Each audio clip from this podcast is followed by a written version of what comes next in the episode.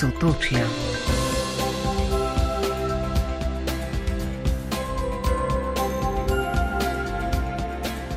Dober večer, lepo pozdravljeni vsi, ki ste se odločili za družbo rojakov iz sosednjih držav.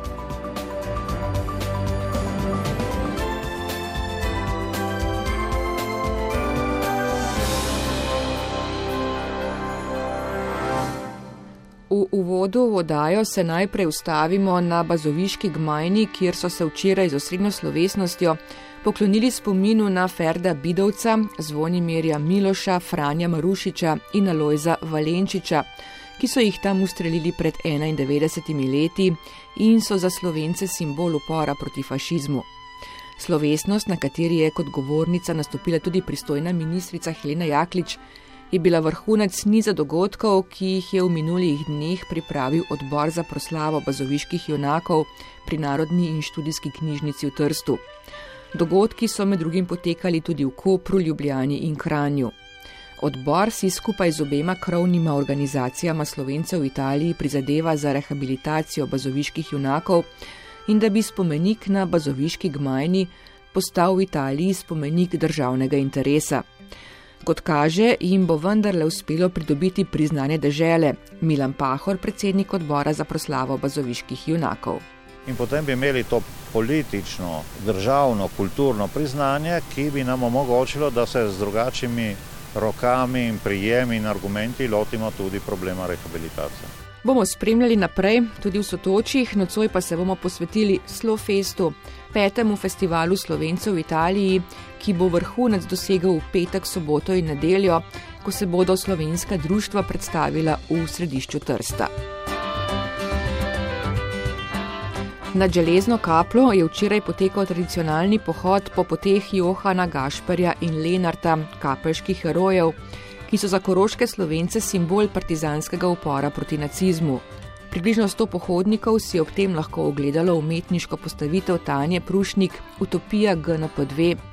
Ob poti so napeljali več kot 10 km dolg trak iz recikliranega polivinila, na katerem je prepisana knjiga Gamsi na plazu Karla Prušnika Gašparja v slovenskem in nemškem jeziku. Več o pohodu in umetniški postavitvi pa tudi kulturnem programu v nadaljevanju odaje.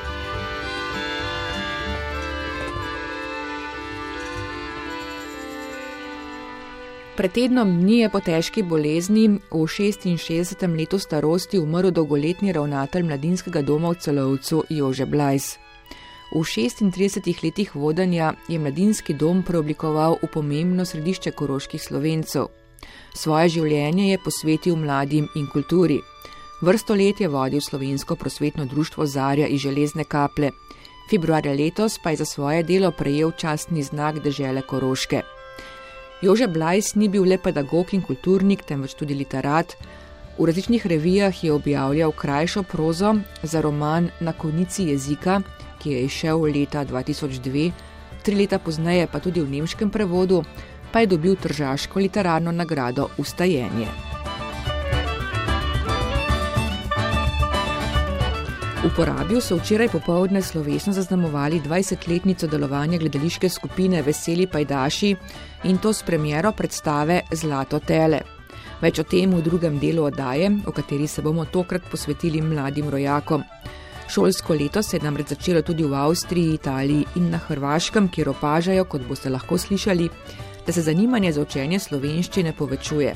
No najprej pa se odpravimo na železno kaplo, kjer smo se pridružili pohodnikom v spomin in poklon domačijam, ki so podpirale odpor proti nacizmu, v spomin na Ivana Županca Johana, narodnega heroja Franca Pasterka Lenarta in Karla Prušnika Gašparja.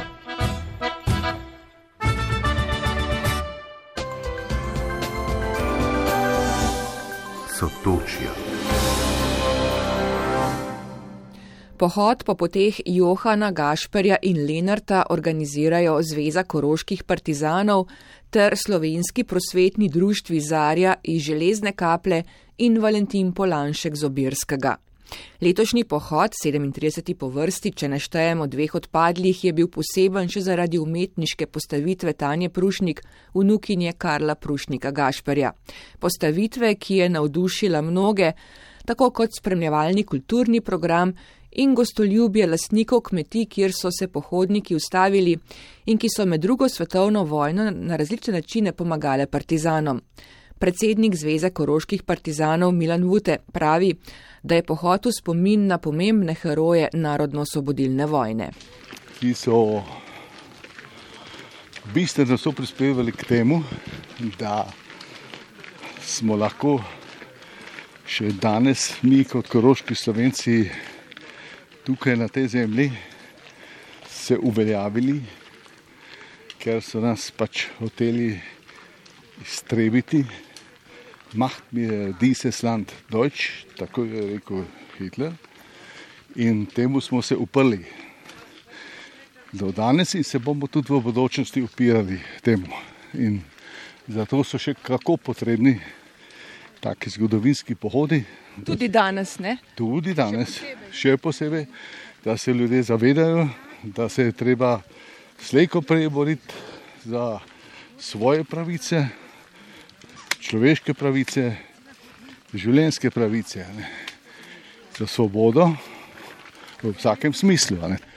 Letošnji pohod, 39. po vrsti, če štejemo vse, pa je bil nekaj posebnega tudi zaradi, kot rečeno, sodelovanja predsednice Društva avstrijskih likovnih umetnikov, slikarke Tanje Prušnik. Več kot 10 km dolg zapis Utopija GNP2 v poklon staremu očetu Karlu Prušniku Gašperju. Točno 10,5 km je napisanih, oslikanih, naslikanih. Uh, in je vse v originalu, na roko napisano, tudi slikarski eh, moment, nanašanje je bilo nekaj zelo telesnega, mi je bilo zelo važno in je vse eh, skozi mojo roko šlo. Projekt je podprla dežela Koroška v okviru obeleževanja stota obletnice plebiscita Karintija 2020. Pred dvema letoma sem koncipirala eh, projekt, sem ga naložila za Karincija 2020, so mi odobrili in potem sem pa za izdelavo imela eno leto časa. Izbrala je umetniški tim 20 študentk in študentov, ki so ji pomagali na Dunaju, Koroškem in v Piranu. Še deset ljudi pa je pomagalo pri postavitvi in napeljevanju samega traku po gozdu, travnikih in ob cestah. Eden od njih je bil tudi Augustin Brumnik, predsednik Slovenske prosvetne zveze in Slovenskega prosvetnega društva Valentin Polanšek Zobirskega. No, boj ta ideja pa šlo, ko sta prvi pogled rekel, ma, kaj pa bo to, ne? Kaj pa bo to in kako naj bo to. Rekel, da rečeš, ja, pravzaprav, a ste mal, eh,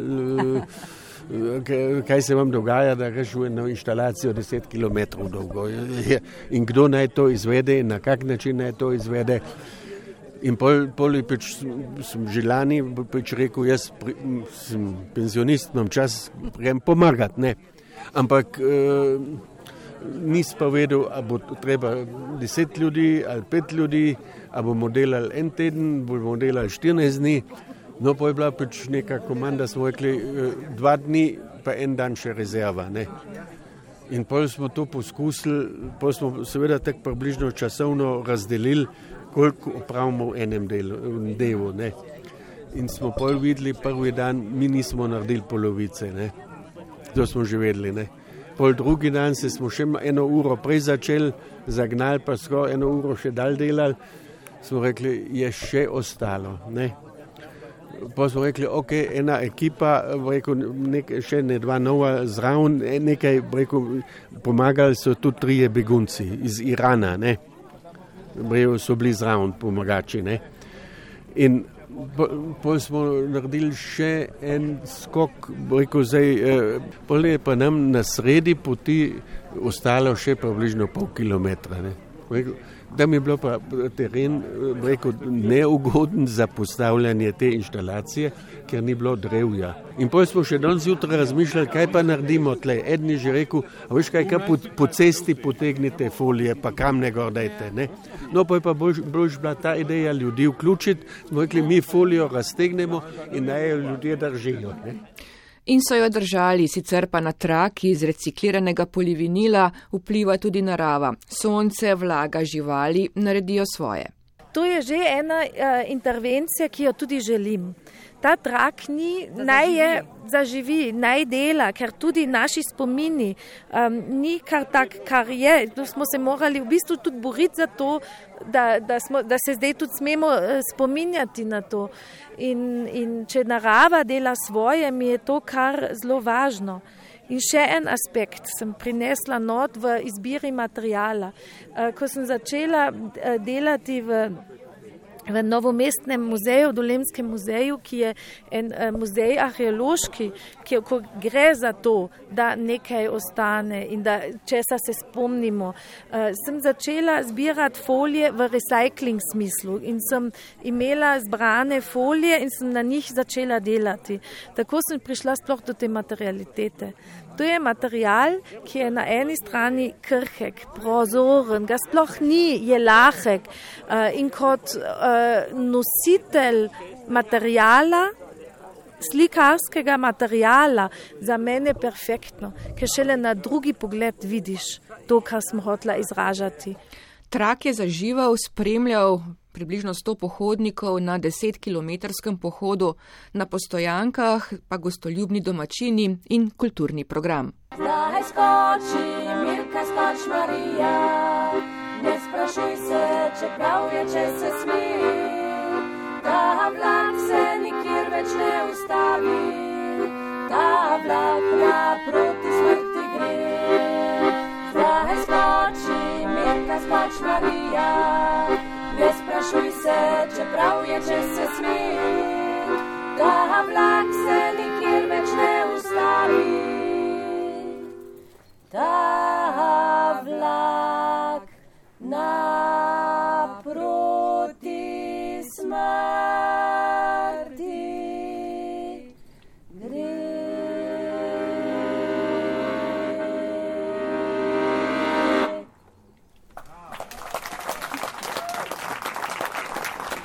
Skupina Praprotnice je bila uvod v prvi del kulturnega programa, v katerem je zbrane med drugim pozdravila tudi županja železne kaple Elizabet Lobnik in deželjni koroški glavar Peter Kajzer. Čestitko ob razstavi je poslal tudi avstrijski predsednik Aleksandr van der Belen, prebral jo je oče Tanje Prušnik, Danilo Prušnik. Umetnost povezuje. Tudi takrat, ko o njej razmišljamo drugače. Umetniški projekt Erinnerungsschleife po poteh spominov Tanje Prušnik je simbol na dvojezičnem koroškem, jasen in viden daleč naokoli. Skupnost kot skupni izziv, to geslo, ki velja za umetnost, ne velja tudi za lepo regijo na jugu Avstrije. Prisrčno čestitam, Aleksandar van de Bellen. Zbrane pohodnike pa je med drugim pozdravil tudi nekdani župan železne kaple, zdaj podžupan Franc Jožef Smrtnik. Pri tem prekrasnem vremenu hodimo od kmetije do kmetije, se spominjamo, uživamo, ampak pred mnogimi leti so naši predniki tu hodili v strahu, ker so se borili proti nacistom. Borili so se zato, da je Avstrija postala svobodna, in vsak dan so vsi ti kmetje živeli v življenjski smrtni nevarnosti.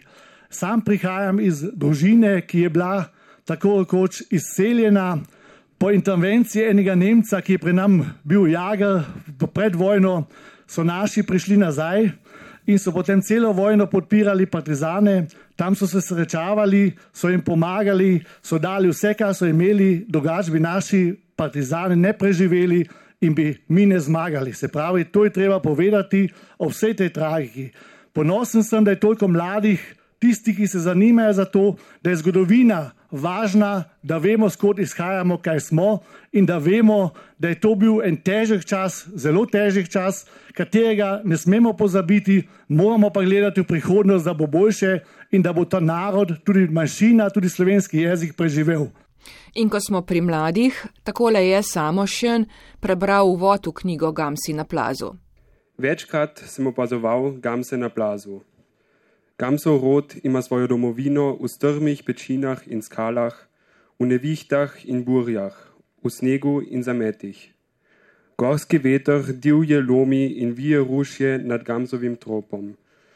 Držijo se v gručah in to je tista sila, s katero premagujejo najhujše zime, najhujše preizkušnje. Prav vnuk Karla Prušnika Gašperja je o svojem pradedu veliko slišal, pravi, knjigo Gamsi na plazu pa še bere. Nekako zahtevno za brat, pa toliko informacij je, da je pač jaz za, za predznanstveno nalogo seveda berem, sem si moram zraven skozi pač napisati, kaj se zgodi v knjigi, pač čist detaljirano, tako da pač malo časa rabim, da jo preberem. Ampak najbrž ste se pa v družini doma pogovarjali o ja, tem. Seveda, seveda. Sej, večkrat to je zelo, zelo prezentno pri nam. In kako se ti zdi zdaj potem uh, ta projekt, uh, pohod sam, ali si prvič na pohodu? Ne, jaz sem že kakih 10, 11 let skrbil, sploh ne vem, že, že dolgo hodimo, cela družina. In meni se zelo dobro zdi. Koliko ste pa recimo v šoli se o tem učili? Kaj? Tako konkretno o tem ne tako. Pač je že tema, pač sem ni tako v učnem načrtu, bolj splošno, pač, da, da so Slovenci bili izseljeni. Nadaljujemo po gozdu, kjer se iz grape zasliši petje, praprotnice pozdravljajo pohodnike, sledi druženje na kmetijah, violinski nastop in zaključek pri Peršmanu, kjer je muzej upora koroških slovenskih partizanov.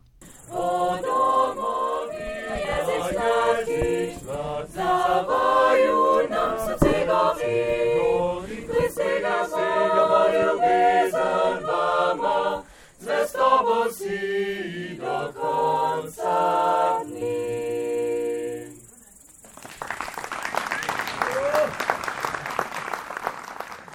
V drugem delu kulturnega programa je tako zbrane med drugim pozdravil tudi zbor celovškega kluba koroških slovenskih študentov in študentk ter violinistki Lena Kolter in Alma Portič. To je bilo tudi za mene zelo emocionalni moment, moram povedati. Da je to tako izpadlo, kot so bile moje želje, moje sanje in še lepše.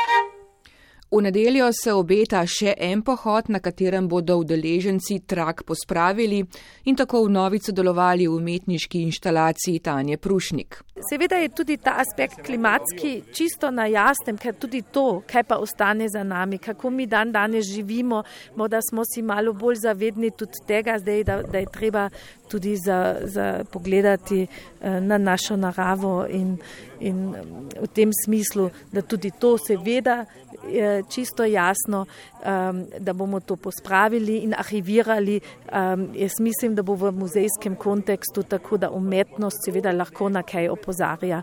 Oče Danilo Prušnik navdušenja in ponosa ni skrival. Ona je pač, ja, se vidi, tretja generacija se zelo zaveda svojih prednikov in ona absolutno v svoji umetnostni karieri ima mojega očeta, njenega starega očeta nekje v prednosti. Vedno ne, nekako se, se vrača k njemu ne? in uh, z različnimi projekti, od uh, umetniških del slik ne?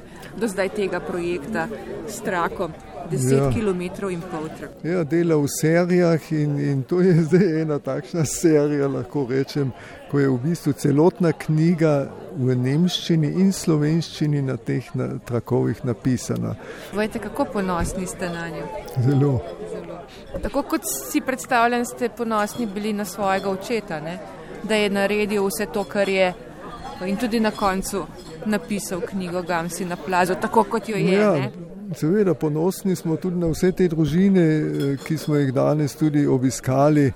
In seveda, brez teh družin ne bi mogli biti Karli, Prušniki, Lenarti in pa Johan in Luci in drugi partizani. Ne ne bi šlo brez teh. In seveda, to je že ena takšna zadeva, ko si se upal, to si moral imeti veliko koreže, zapustiš praktično družino, greš v partizane, preživiš to, preživiš aretacijo, preživiš uh, umor, ki je predviden na teboj. Ja, V bistvu bil tik pred tem, da uh, ga odpeljejo na Dunaj in uh, v bistvu odrežejo glavo, dobesedno. Očeta bi obglavili na Dunaj. On bi bil med tistimi žrtvami, 14 žrtv, ki so jih eh, na Dunaju umorili. Ne. Bi bil pa oče Karl Prušnik danes, če bi bil seveda živ, nad vse ponosen nad svojimi nasledniki. Dal nam je veliko, mi pa smo veliko naredili in nadaljujemo njegovo delo, pravi Danilo Prušnik. Nadaljujemo uh, njegovo delo, ki, je, ki je šlo za slovenski jezik, ne v prvi vrsti za slovenski jezik. Ne.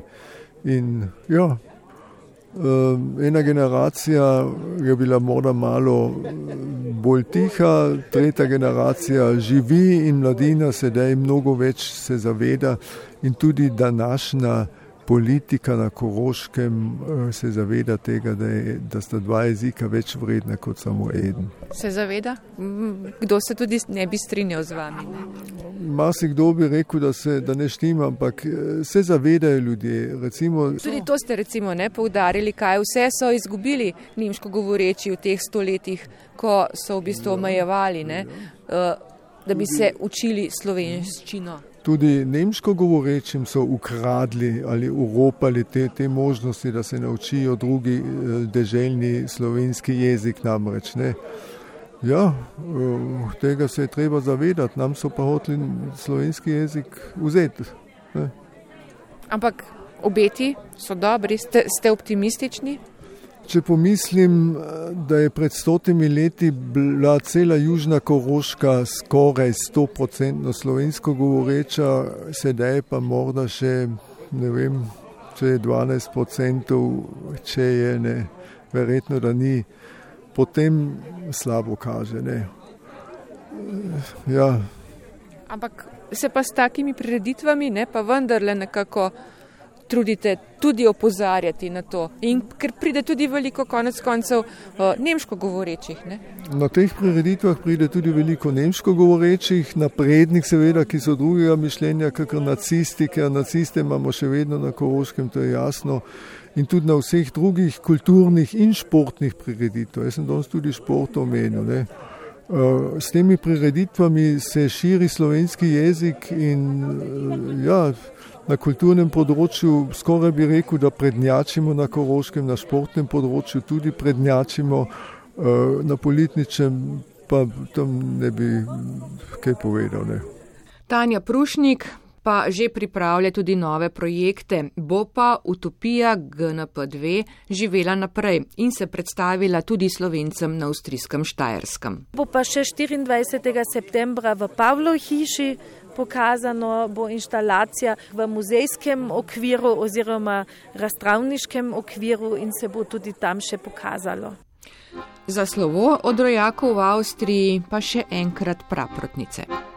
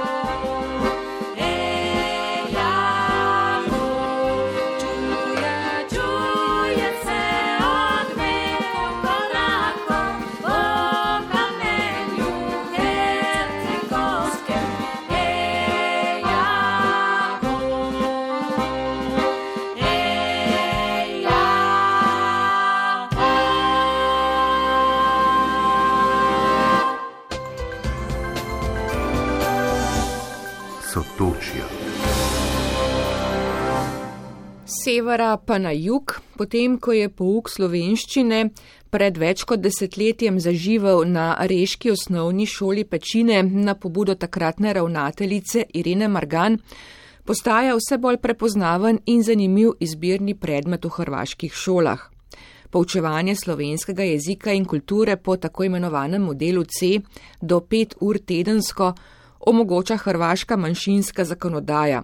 Organizirano pa je poleg omenjene še v petih osnovnih šolah, osnovni šoli Kozala na reki, osnovni šoli dr. Andrije Mohorovičiča v Matulih, na podružniči šoli Jušiči, pa na osnovni šoli Marija in Lina Umago in na osnovni šoli Vazmoslav Gržalije v Buzetu.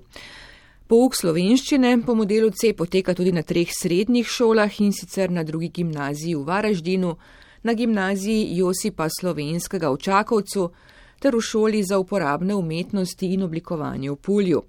Nadaljujejo pa se prizadevanja za uvedbo tudi v več drugih šolah. Marjana Mirkovič. Zanimanje na reki je stalnica. Na osnovni šoli pečine pouk vsa leta obiskuje tretjina vseh učencev. V tem šolskem letu se je močno povečalo zanimanje v šoli dr. Andrija Mohorovičič v Matulih, več prijavljenih pa je tudi v šoli v Klani, pravi učiteljica Andreja Šlosar, ki poučuje več kot sto učencev. Posebej je vesela znova pouka v živo imamo pouk v teh mešanih skupinah, različni razredi skupaj.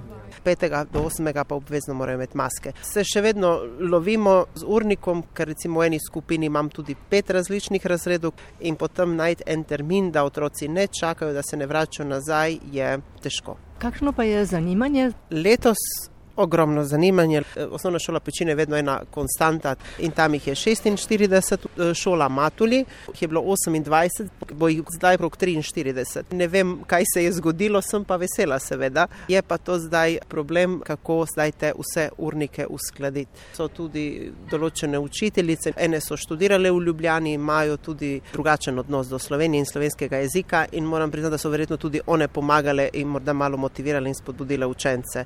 Tudi na šoli šoli klana 5-6 učencev je več, ki je skupno 29. Tako da zaenkrat same dobre novice, upajmo, da bo tako tudi ostalo. Začeli smo pouk v vseh šolah, so še urniki, ki še niso do konca definirani, učenci, ki bo še naknadno prišli, tako da nas čaka eno dinamično šolsko leto. Glede matuljev, ta številka 43, eh, to je tudi za podružnično šolo v Jošičih. Tako, podrožnična šola Jušiči, vse skupaj, ker to je pod matično šolo.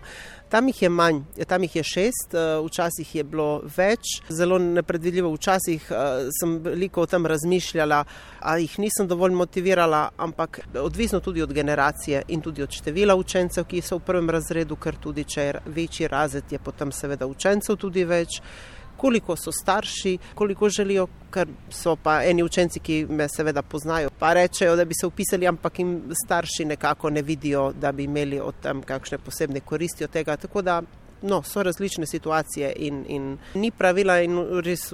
Glavnem, da je isto število, oziroma eh, v tej šolskem letu je eh, razen na šoli pečine, ki je več ali manj, sem rekla, konstantno število, je povsod večje število učencev kot v prejšnjem šolskem letu, tako da je to ena seveda pozitivna stvar.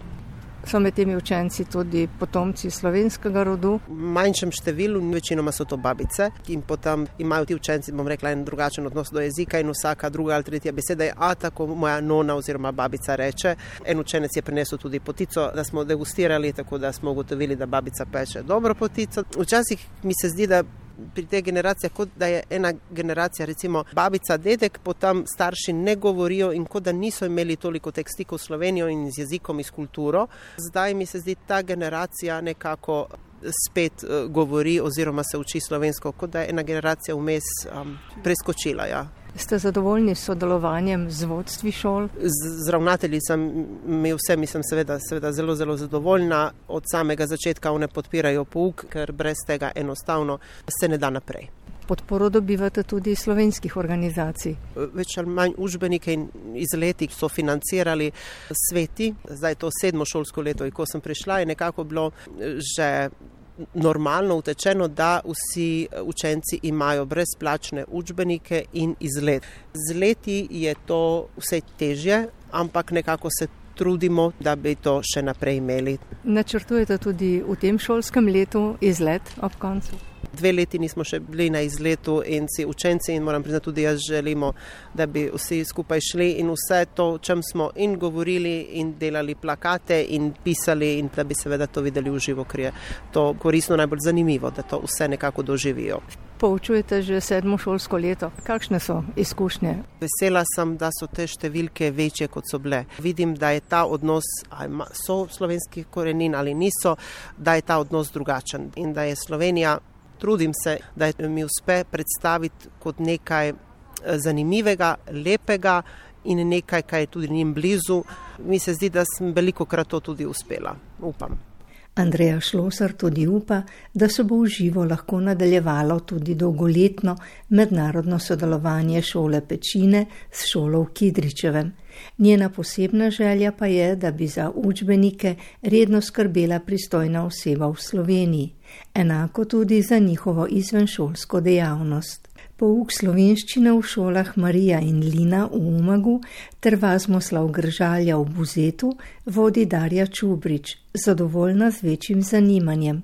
V Umagu so očitno učenci dovolj dobro spromovirali med sabo in se je povečal interes, da jih ima 19. V Buzetu jih je šolanje nadaljavo odneslo, jih je pa samo sedem. Ampak tam se stalo konstantno tako nekje od 7 do 13 se minja, ne. Umak je pa porastel. Samo pet jih nadaljuje, ostalo je pa vseeno. Mislim, da še vedno največja motivacija je šolanje v Sloveniji. Veliko jih je tudi uh, izmišljenih družin, tudi samo učenje tujih jezikov kot tako. Da sama ta bližina, se pravi tudi prihod slovencev na Hrvaško, kot obrnjeno, ker oni tudi potem hodijo po Sloveniji v trgovine, šole in te razne stvari. Kakšne so razmere za poučevanje? Zelo dobre. Mi imamo svojo učilnico in tudi svoje ure. Ravnateljico izredno dobro sodelujemo. Ravno leto se je zakompliciralo pri um, nabavi knjig in se je ona ponudila, da bojo knjige oni kupili. Knjige potem učenci vračajo, delovne zvezke pa pač kupijo starši. Tako da sodelovanje je odlično. Sem se zmenila z ravnateljico in pa z predsednico društva Aida Umagu, da bomo omogočili en izlet. Ne bi šli v Belokrajino pogledati izdelavo belokrajinskih pisanic in pa hišo Oto na Župančiča. Imate tudi kaj periodike iz Slovenije? Ja, to pa zato, ker sem zdaj v dopolnjenem pouku slovenščine in dobim pil in pa gejo. Kako pa je v Buzetu? Trenutno ima sedem otrok, od 3. do 8. razreda. Zelo je eno tako lušno, prijetno delo, zato ker je manjše število in je več interakcije. Tako v Umaku in pa v Bozet pride Bibliobus iz Kopra in potem mi tudi gremo pogledati kakšno knjigico, kaj preberemo in tako naprej. V Bozetu sodelovanje je tudi zelo dobro, ravnateljica je za vsakršno pomoč. Tudi tukaj imamo načrtovan izlet, ne bi šle pa obe dve šole, ker dobro sodelujemo z društvi Ajde in pa Lipa, bomo skupaj organizirali ta izlet. Na osnovni šoli Kozala na reki poučuje Ksenija Klovar Lukarič, polna optimizma kljub določenim težavam. Zanimanje je, to so učenci, ki so že obiskovali pok, razno prvih razredih, seveda to so novi učenci, ki bojo vključeni v to mešano skupino od prvega do četrtega razreda, potem imamo pa drugo mešano skupino je petega do osmega razreda. Tu dva različna nivoja učenja slovenščine, prilagojena starostni skupini in znanju, ki ga že imajo. Ne, vse skupaj naj bi bilo 28, mogoče dejansko končne številke bojo bile uh, drugi teden. Upam, da to šolsko leto pač ne bo problemov in da bomo večino časa preživeli uh, skupaj v razredu. Kaj pa učno gradivo? Kot učiteljica uporabljam različne materijale, sploh lani, uh, ko učenci od prvega do četrtega razreda niso imeli učbenikov, sem pripravljala materijal iz različnih knjig in uh, pripomočkov za učitelje slovenskega jezika in sama pripravljala ta program in te delovne liste. Drugače pa imamo učbenik in upam, da bo letos, da bo učbenik tudi za te mlajše od prvega do četrtega razreda na razpolago. Trenutno ga še ni, ampak bo. Jaz verjamem, da bo. Lani je bil eh, večji problem zaradi same pandemije in zaradi eh, prehoda preko meje in se skupaj so se stvari zakomplicirale. Tokrat upam, da tega ne bo. Od 5. do 8. razreda pa s tem nismo imeli problema, ker so imeli svoj učbenik še od lani. Jaz upam, da bo, kar se tiče materijala in učbenikov, letos boljša situacija. Mogoče bi se mogel uh, ministrstvo mačkan več vključiti, kar se tega tiče. Slovenije, ja, tukaj baš jih nismo dobili, dobili pač uh, podporo, spoh kar se tiče učbenikov, pravočasno. Ja. Kdo obiskuje pouk slovenščine, kdo so ti otroci, kaj jih je pripeljalo? Uh, največkrat so korenine, babice, detki, ampak večinom ti otroci niso vzgojeni v duhu slovenskega jezika, redko govorijo slovenski jezik doma. Je nekaj učencev, je takih, ampak majhen del, nekaj pa tudi teh, ki nima niti korenin ampak imajo željo, da poznajo jezik, ker ne vejo, kam jih bo odpeljala pot, mogoče na študij v Slovenijo. Tudi Ksenja Klovar Lukarič napoveduje izlet v Slovenijo. Če bodo težave s prehajanjem meje, pravi, bodo pač obiskali obmejne kraje in spoznavali prepletanje tamkajšnjih kulturnih in jezikovnih hrvaško-slovenskih vezi.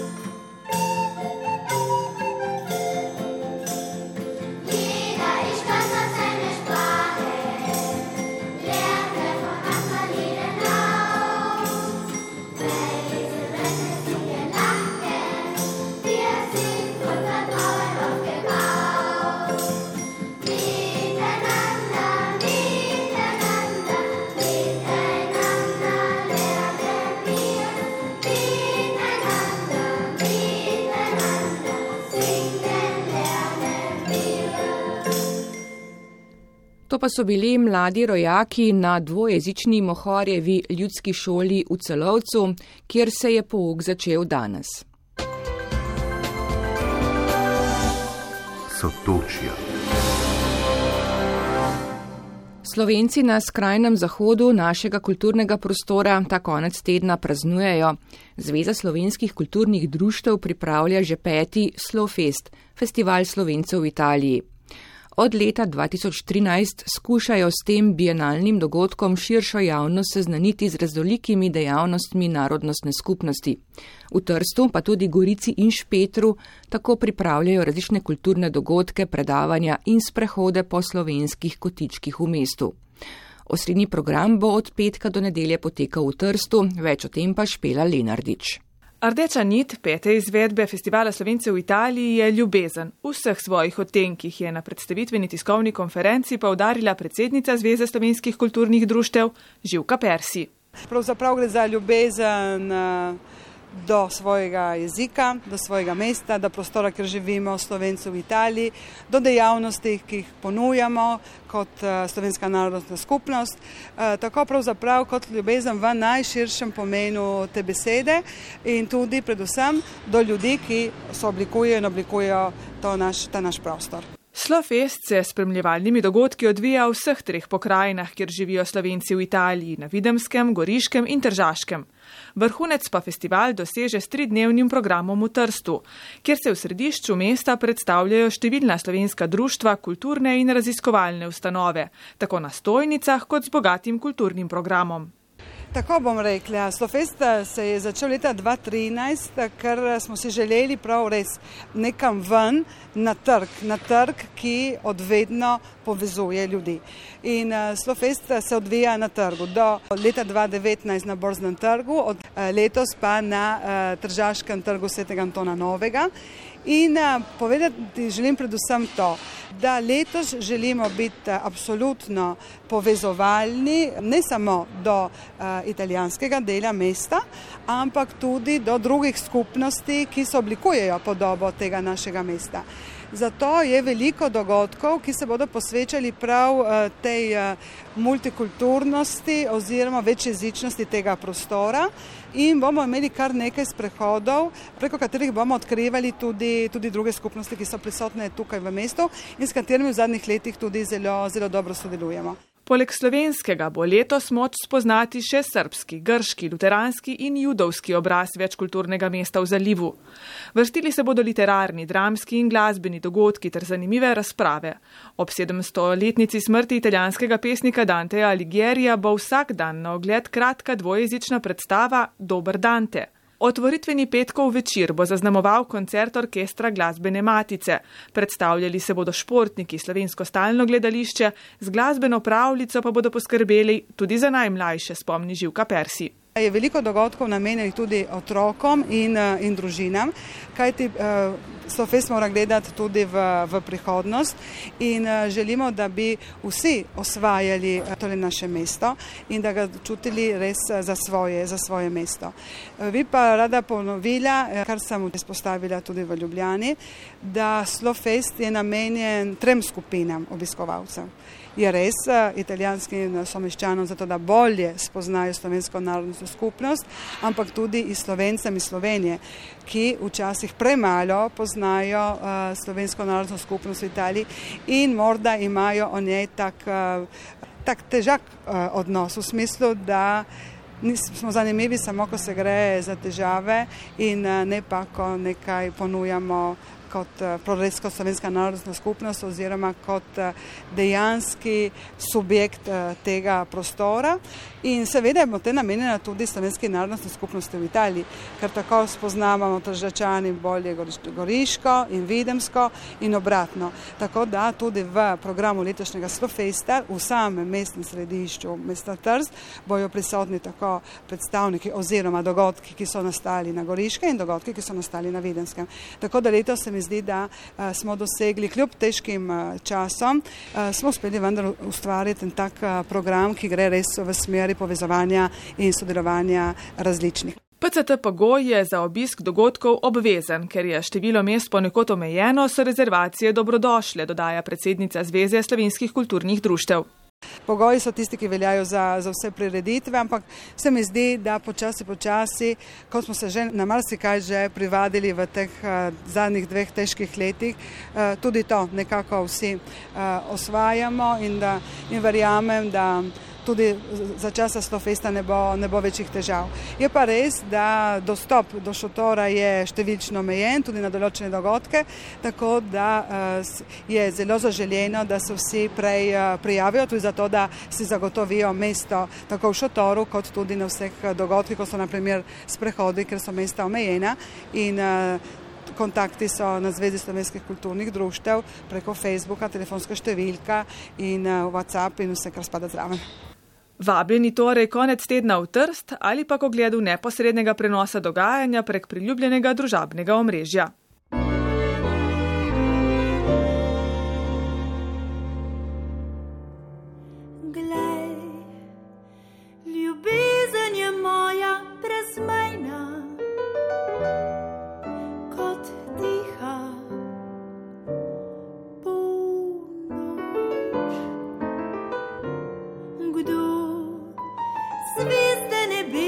prešteje,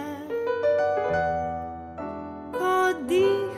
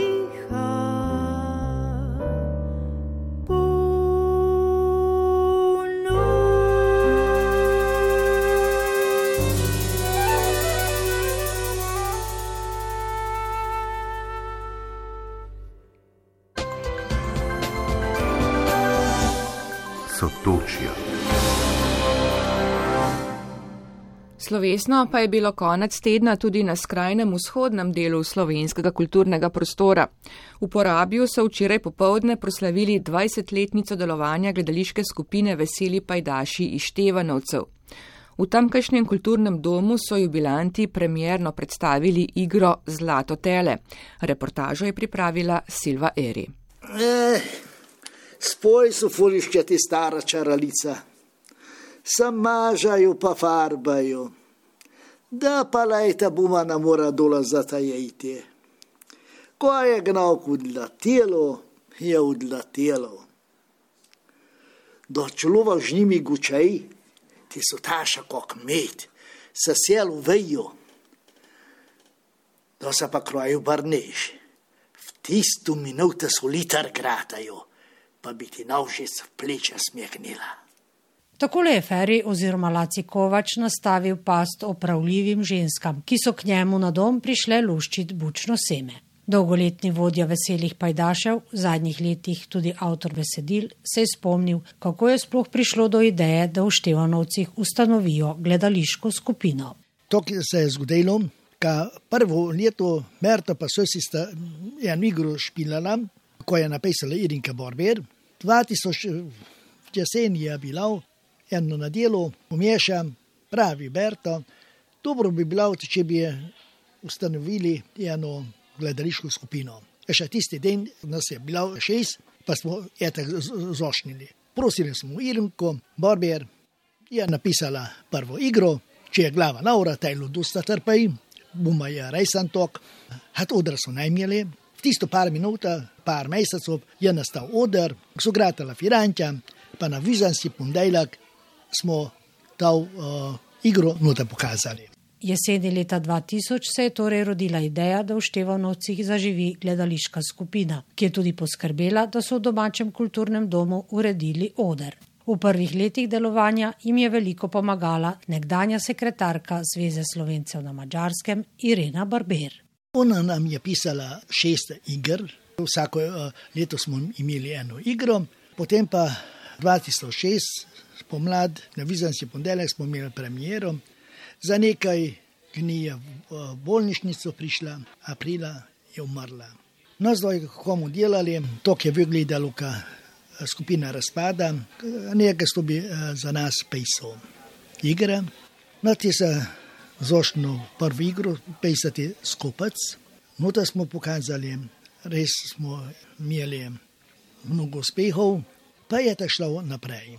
Bila, ker so vystavili skupina za delovna mesta, drugi so nota prišli, mladi, samo hat, ko se vejmo, ljudje so spremenili delovno mesto, naj so mogli prejti na vaja, že metno je šlo, ko vygleda te eh, 20 let, je 16 oseb eh, nastopalo na igri. In še to moram povedati, ker tistega časa, ko smo ustanovili, je še pet članov, je isti, kot smo zočnili. Najbrž je veliko lepih spominov, kot ste rekli, veliko je bilo tudi nastopov, ne samo po porabiu, tudi druge v Sloveniji, na Mačarskem. Res je to od Sorvoša, Budimpešta, Mošomodjorovar, Sombotel, to je porabije, Muska sobota, Maribor, Celje, Ljubljana, Škofja Loka, Trst. Tu smo bili, v sosednji vasi pa mnogokrat. Je kakšna posebna anekdota? Vejte, prva igra je bila, če je glava Laura Taylor dosta trpej, dan je sosi igro policaja. Smo bili v Sombotelu, smo šli domov z mikrobusom, pa nas policija ustavila. Sosi je gora brzel na glavo kapo, pa pravi, zdravo, kolega. Policaj pa pravi, lahko greste naprej. Je pojasnil Laci Kovač. Gledališki skupini Veseli Pajdaši je nekaj časa, predvsem kot režiser, pomagal tudi Branko Pintarič iz Prekmurja.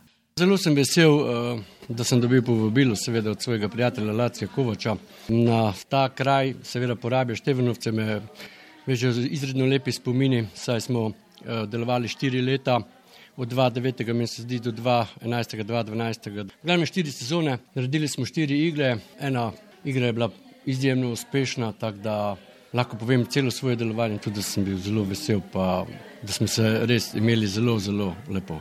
Največ sem pomagal pri igri. Tekste je itak je najbolj pisal Laci sam. Laci je pa uh, pisal te izjemne tekste, jaz sem jih pa potem postavljal na odru, da je gibanje. Se pravi, kot režiser sem uh, potem sodeloval pri teh igrah.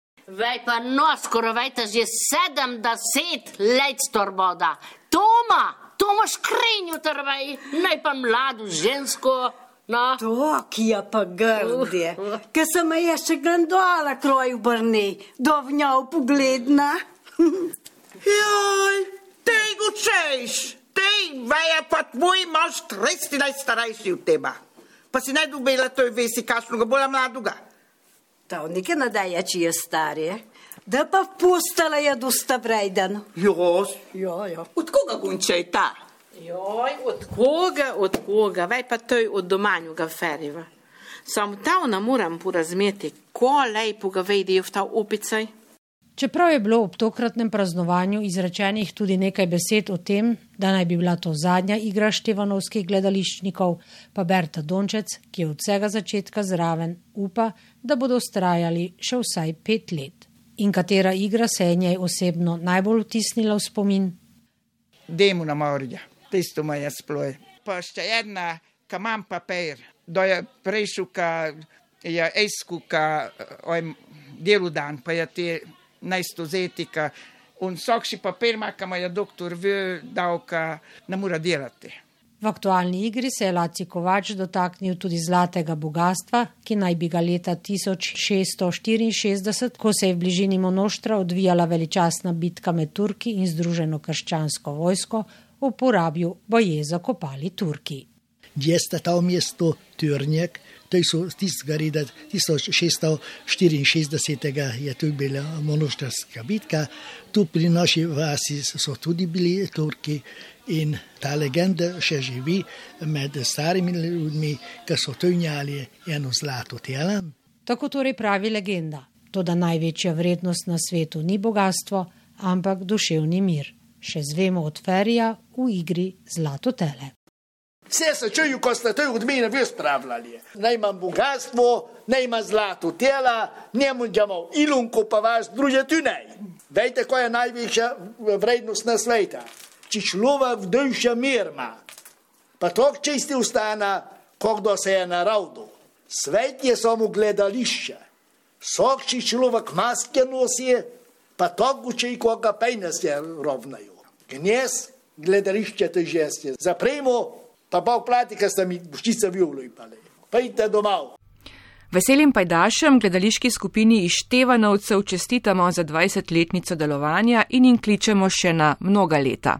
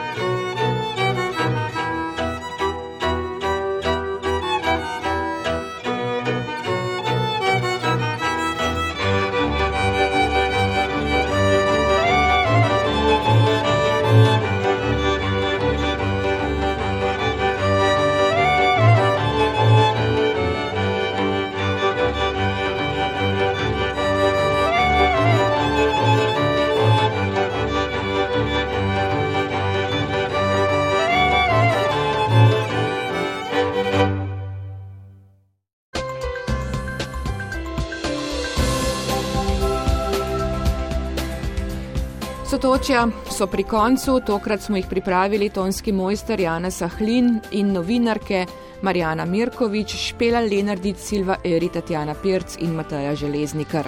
Vedno znova nas lahko poslušate na spletni strani prvega programa, kjer med oddajami poiščete Sotočja, lahko se naročite na podcast ali nas najdete v našem spletnem 4D arhivu. Srečno in nasvidenje do prihodnje oddaje. Sotočja.